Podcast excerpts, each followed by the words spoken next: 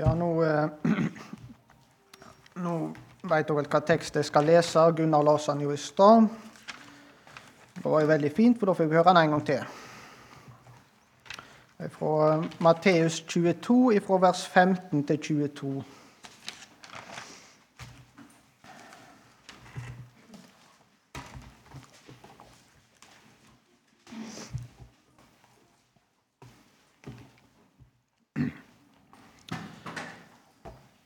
vi begynne med å be.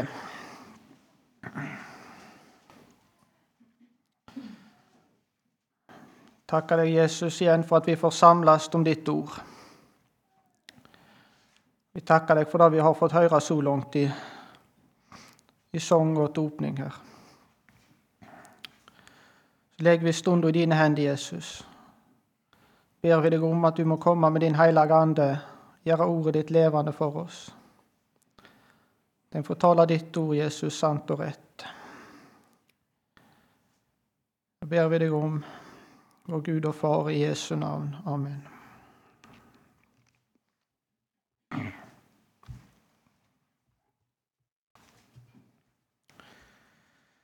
Matteus 22 ifra vers 15.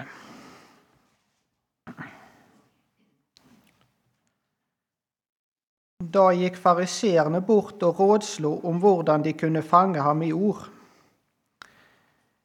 De sendte disiplene sine til ham sammen med herodianerne og lot dem si:" Mester, vi vet at du er sannferdig, og du lærer Guds vei i sannhet. Du bryr deg ikke om hva noen sier, for du gjør ikke forskjell på folk. Si oss hva du mener. Er det tillatt å gi keiseren skatt, eller er det ikke? Men Jesus merket deres ondskap og sa:" Hvorfor frister dere meg, dere hyklere? Vis meg mynten som skatten betales med. De rakte ham en denar, og han sier til dem:" Hvem har sitt bilde og sin påskrift her? De sier til ham, Keiseren. Da sier han til dem, Gi da keiseren det som keiseren ser, og Gud det som Guds er. Da de hørte dette, undret de seg, og de forlot ham og gikk bort.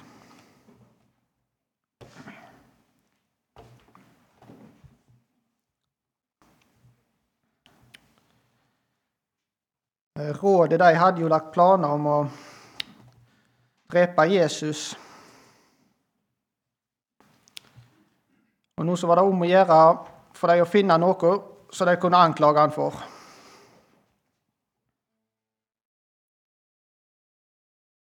Og Fariseerne rådslår da om hvordan de kan få fange han i ord,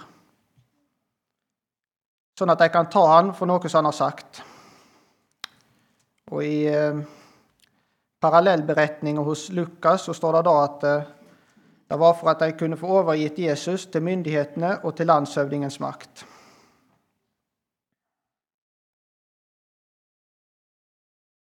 Så sendte da fariseerne disiplene sine til Jesus i sammen med herodianerne. Om herodianerne så vet vi ikke så mye, men eh, las det i Bibelen Ressurs, så sto det da angående herodianerne har vi ingen holdepunkter utenfor evangeliene.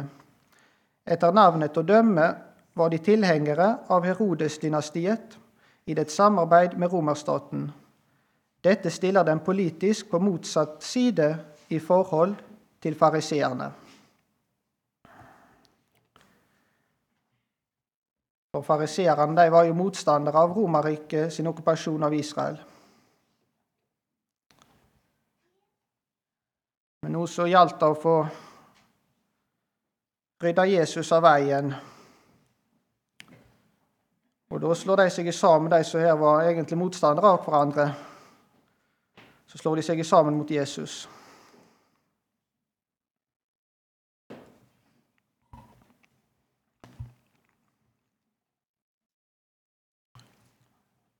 Og Så kommer de da til Jesus med et spørsmål Som gjør jo da at enten Jesus han svarer ja eller han svarer nei på spørsmålet, så vil de ha noe de kan anklage han for. De sier da til Jesus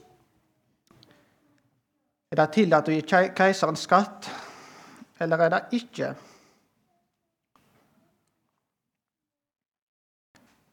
Svarer Jesus nei, så kan de jo anklage han for forræderi mot romerstaten. Og svarer Jesus ja, så kan de anklage han som landsforræder.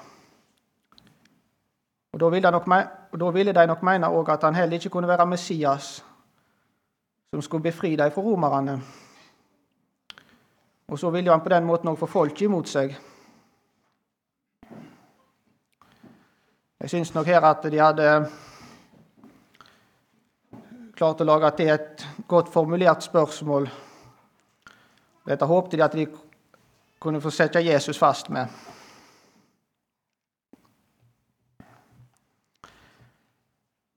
Men Jesus han merka ondskapen deres og sier, 'Hvorfor frister dere meg, dere hyklere?' Vis meg mynten som skatten betales med. De rakta med en denar. Og han sier til dem, 'Hvem har sitt bilde og sin påskrift her?'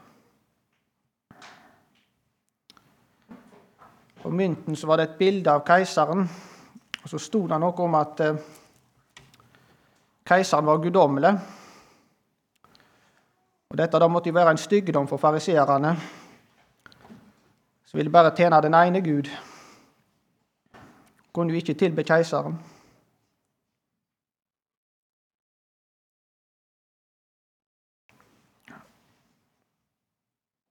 Men når Jesus spør de om hvem som har sitt bilde og sin påskrift her, så svarer de noe sånt som så det er, da, det er keiseren.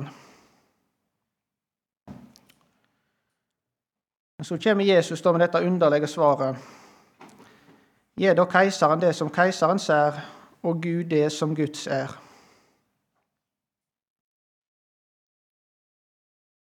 Og Dette svaret da følger dommen egentlig både over herodianerne og fariseerne. For herodianerne var vel kanskje for å gi keiseren det som keiseren svar, men de hadde nok ikke gitt Gud det som Gud ser. Og Fariseerne de mente nok at de hadde gitt Gud det som Gud ser. Men hvis de ikke vil gi, hvis de ikke vil gi keiseren det som keiseren ser Og om de nå betalte denne skatten, så gjorde de det iallfall ikke av hjertet. Og da viser det at eh, de heller ikke hadde gitt Gud det som Gud ser.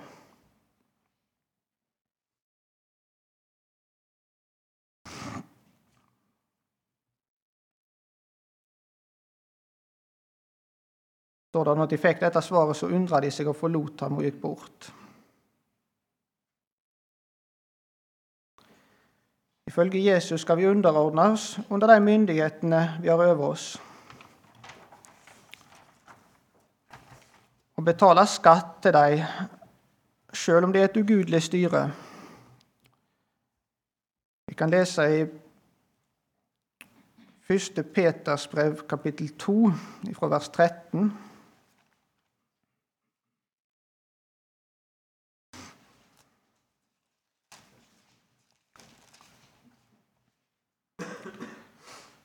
Vers 1. Peters brev 2,13. For Herrens skyld skal dere underordne dere under enhver menneskelig ordning, enten det nå er en konge som er den høyeste, eller landshøvdinger som er utsendt fra ham, for at de kan straffe dem som gjør ondt, og hedre dem som gjør godt. For slik er det Guds vilje, at dere ved å gjøre det gode skal stoppe munnen på uforstandige og uvitende mennesker. Som frie skal dere ikke være slike som bruker friheten som et påskudd til å gjøre ondt, men som Guds tjenere. Vis alle ære, elsk brødrene, frykt Gud, er Kongen.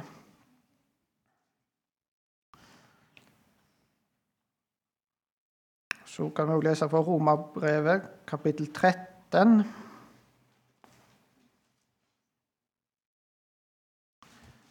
Altså så lenge ikke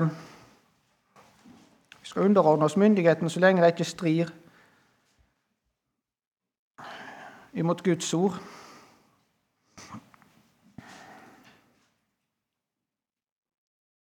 Jeg leser fra vers 1 der, Romerne 13. Hver og en skal underordne seg de myndigheter han har over seg. For det er ikke øvrighet uten av Gud, men de som finnes, er innsatt av Gud. Den som setter seg opp mot øvrigheten, står Guds ordning imot. Men de som står imot, skal få sin dom. For de som styrer, er ikke til skrekk for dem som gjør godt, men for dem som gjør ondt. Vil du slippe å være redd for øvrigheten, så gjør det gode. Da skal du få ros av den. For den er Guds tjener til gagn for deg. Men gjør du det som er ondt, da frykt. Den bærer jo ikke sverdet for ingenting. For den er Guds tjener, en hevner til straff over den som gjør det onde. Derfor er det nødvendig å underordne seg ikke bare av frykt for straffen, men også for samvittighetens skyld. Derfor betaler dere jo også skatt, for de er Guds tjenere som nettopp tar vare på dette. Gi alle det dere skylder dem, skatt til dem som har krav på skatt, toll til dem som har rett til toll, frykt til dem som skal fryktes, ære til dem som bør æres. Bli ingen noe skyldig annet enn det å elske hverandre. For den som elsker sin neste, har oppfylt loven. For disse budene du skal ikke bryte ekteskapet, du skal ikke slå i hjel, du skal ikke stjele, du skal ikke begjære og hvilket som helst annet bud, de sammenfattes i dette ordet, du skal elske din neste som deg selv. Kjærligheten gjør ikke nesten noe ondt. Derfor er kjærligheten lovens oppfyllelse.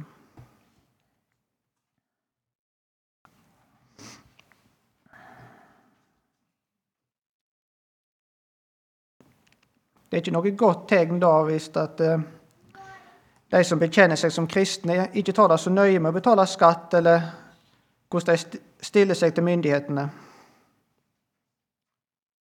For de som har fått Guds ånd i sitt hjerte, han kan ikke være likegyldig overfor disse ting.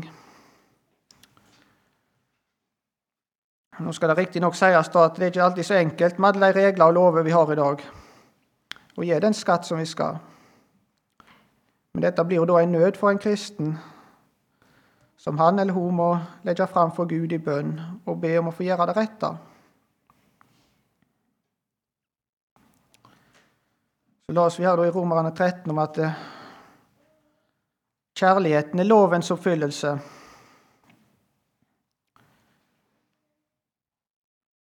Det er egentlig bare én måte å gi keiseren det som keiseren ser, og gjøre det av hjertet. Det er at en først må ha gitt Gud det som Gud ser.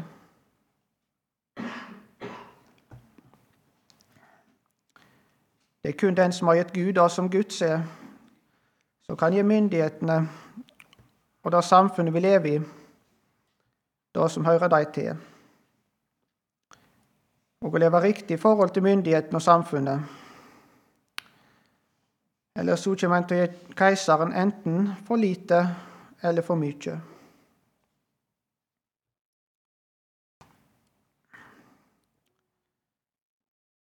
Hva er det så som er Guds?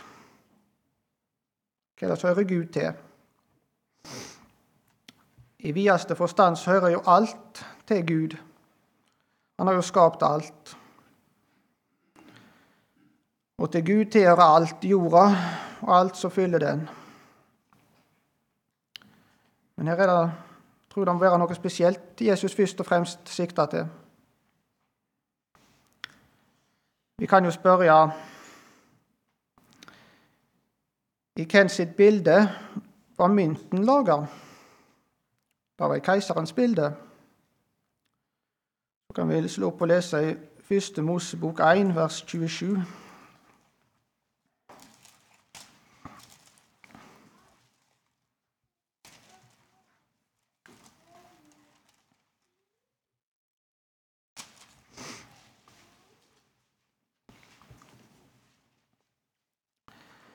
Og Gud skapte mennesket i sitt bilde.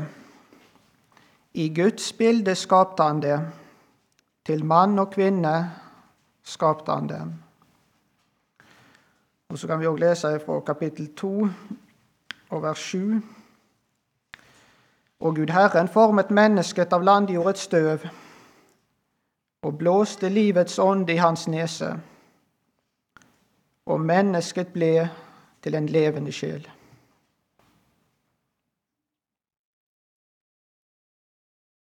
I hvem sitt bilde ble som menneske i begynnelsen skapt av ei Guds bilde. Og selv om vi har mista denne gudbildelighet i syndefallet, så står det likevel urokkelig fast i begynnelsen skapte Gud mennesket i sitt bilde.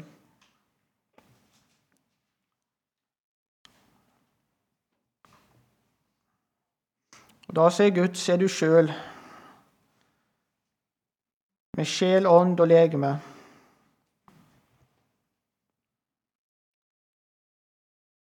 I Esekiel 18, 4, så står det da Og det er altså Gud som sier det. Se, alle sjeler hører meg til.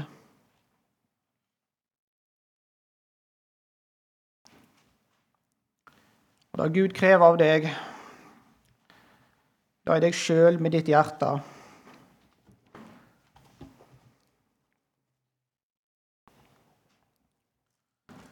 Så kan vi slå opp i Salomos ordspråk, kapittel 23 og vers 26.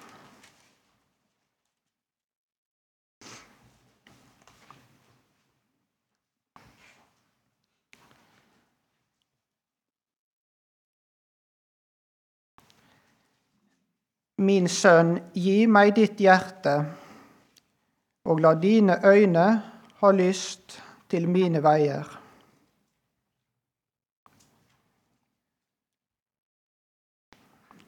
Og det største budet da lyder jo sånn Du skal elske Herren din Gud av hele ditt hjerte og av hele din sjel og av all din makt.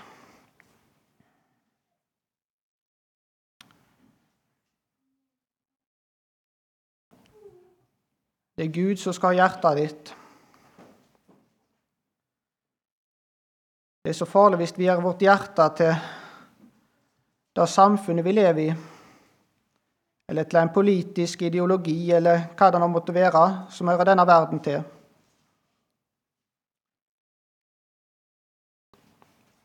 Og Det skjer jo så lett når vi i altfor stor grad går inn for sånne ting. Selv om det òg kan være ting som i og for seg er gode ting. Og da gjør vi keiseren for mye.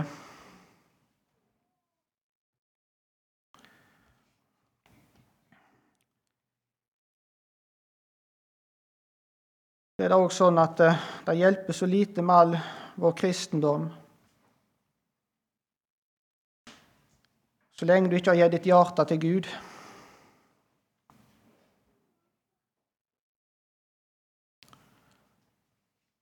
Så lenge det er noe i denne verden som betyr mer for ditt hjerte.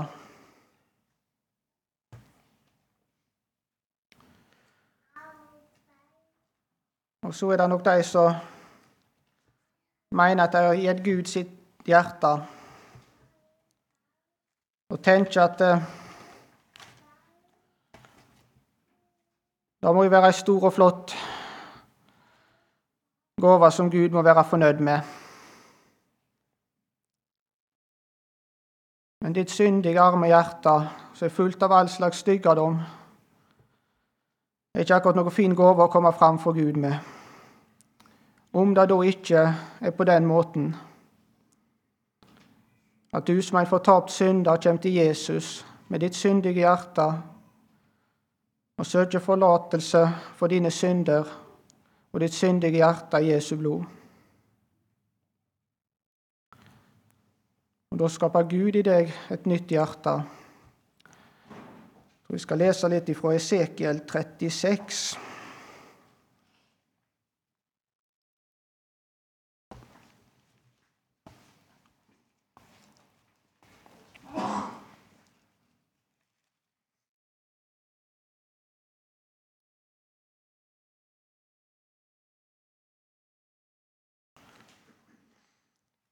Skal vi se Jeg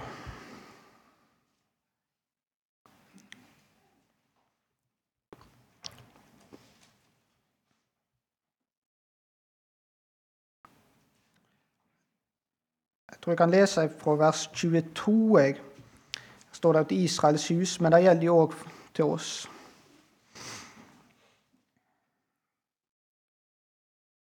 Derfor skal du si til Israels hus, så sier Herren, Herren, ikke for deres skyld, Israels hus, gjør jeg det, men for mitt hellige navns skyld, det som dere har vanhelliget blant de folkene som dere er kommet til. Jeg vil hellige mitt store navn, som er blitt vanhelliget blant folkene, det som dere har vanhelliget blant dem. Og folkene skal kjenne at jeg er Herren, sier Herren, Herren, når jeg helliger meg på dere for deres øyne. Jeg vil hente dere fra folkene og samle dere fra alle landene. Og jeg vil la dere komme til deres eget land. Og jeg vil stenke rent vann på dere, så dere skal bli rene. Fra alle deres urenheter og fra alle deres motbydelige avguder vil jeg rense dere. Nå står det her vers 26, da. Jeg vil gi dere et nytt hjerte, og en ny ånd vil jeg gi dere. Jeg vil ta bort steinhjertet av deres kjød og gi dere kjødhjerte. Min ånd vil jeg gi inn i dere, og jeg vil gjøre det så at dere følger mine bud og holder mine lover og gjør etter dem.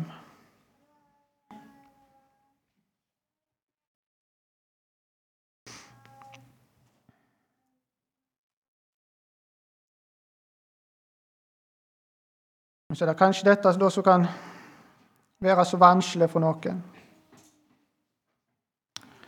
De ser kanskje da at eh, de trenger å få et nytt hjerte som elsker Gud. Men så er det helt umulig dette å få til å elske Gud. Og Så får en ikke dette til, samme hva en prøver på. Og så er det en gang sånn med kjærligheten at eh, da eller den du elsker, da eller den elsker du. Og det du ikke elsker, det elsker du ikke. Det er ikke noe som du kan kommandere over.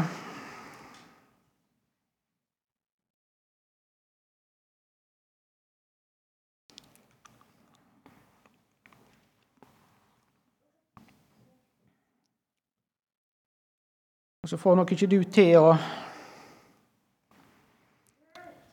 vinne Gud med din kjærlighet til Han. Men Gud han prøver å vinne deg med sin kjærlighet til deg. Og Det står jo da i 1. Johannes brev at i dette er kjærligheten ikke at vi har elsket Gud, men at Han har elsket oss og sendt sin Sønn til soning for våre synder.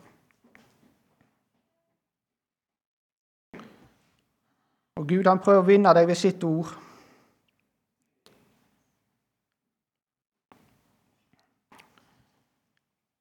Der han først feller dommen over deg i sin hellige lov. Og så taler han om hva han har gjort for deg i sin egen sønn Jesus Kristus. Og så gjelder det å gi akt på dette som står. Det står da i, ja, da løftet i 2. Peters brev 1, kapittel 1, vers 19.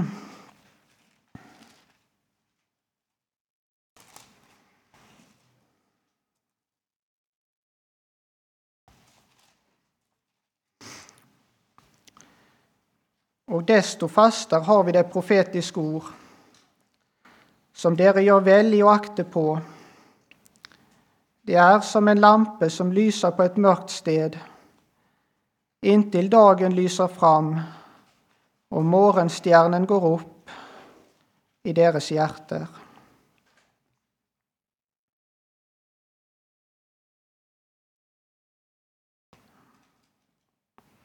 Det hjelper ikke å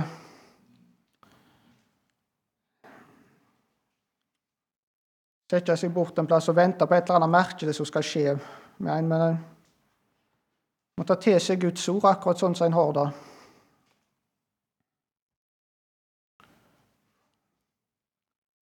Dette trenger vi òg etter vi kommer til tro på Jesus, må vi stadig høre ordet om igjen og om igjen. At dette igjen og igjen må gå opp for oss, hva Jesus har gjort for oss.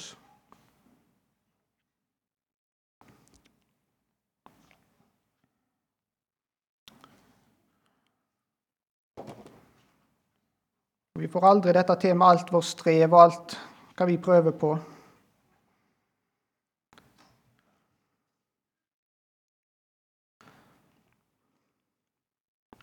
Men så er det heller ikke kristendom da at du skal få til å bli sånn at Gud kan ta imot deg.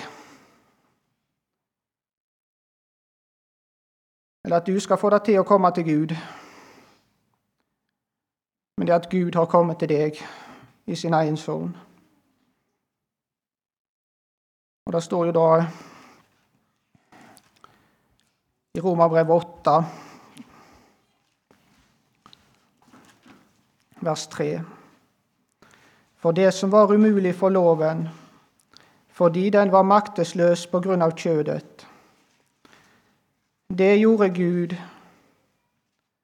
da han sendte sin egen sønn i syndig kjøds lignelse for syndens skyld og fordømte synden i kjødet, for at lovens krav om rettferdighet skulle bli oppfylt i oss, vi som ikke vandrer etter kjødet, men etter ånden.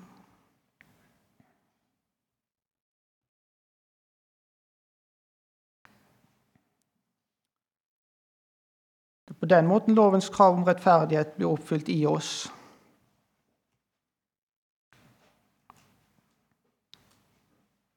At vi får et nytt hjerte som elsker Gud, selv om vi kjenner hele tida på dette gamle òg som vi har i oss. Så står Gud imot.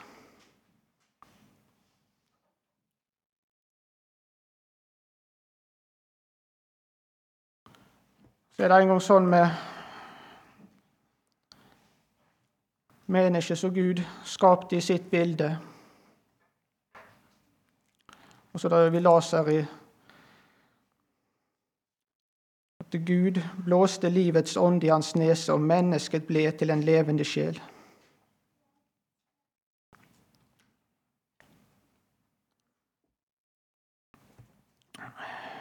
Mennesket menneske sin sjel kan ikke virkelig få hvile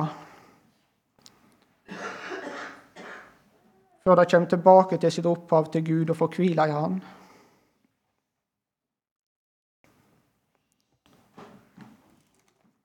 Det står jo da i Matteus 11.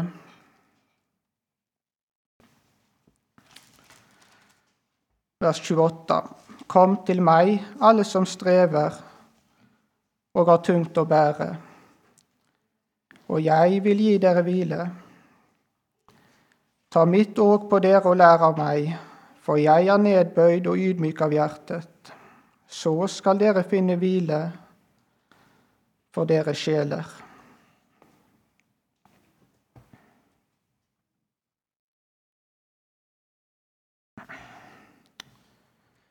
Amen.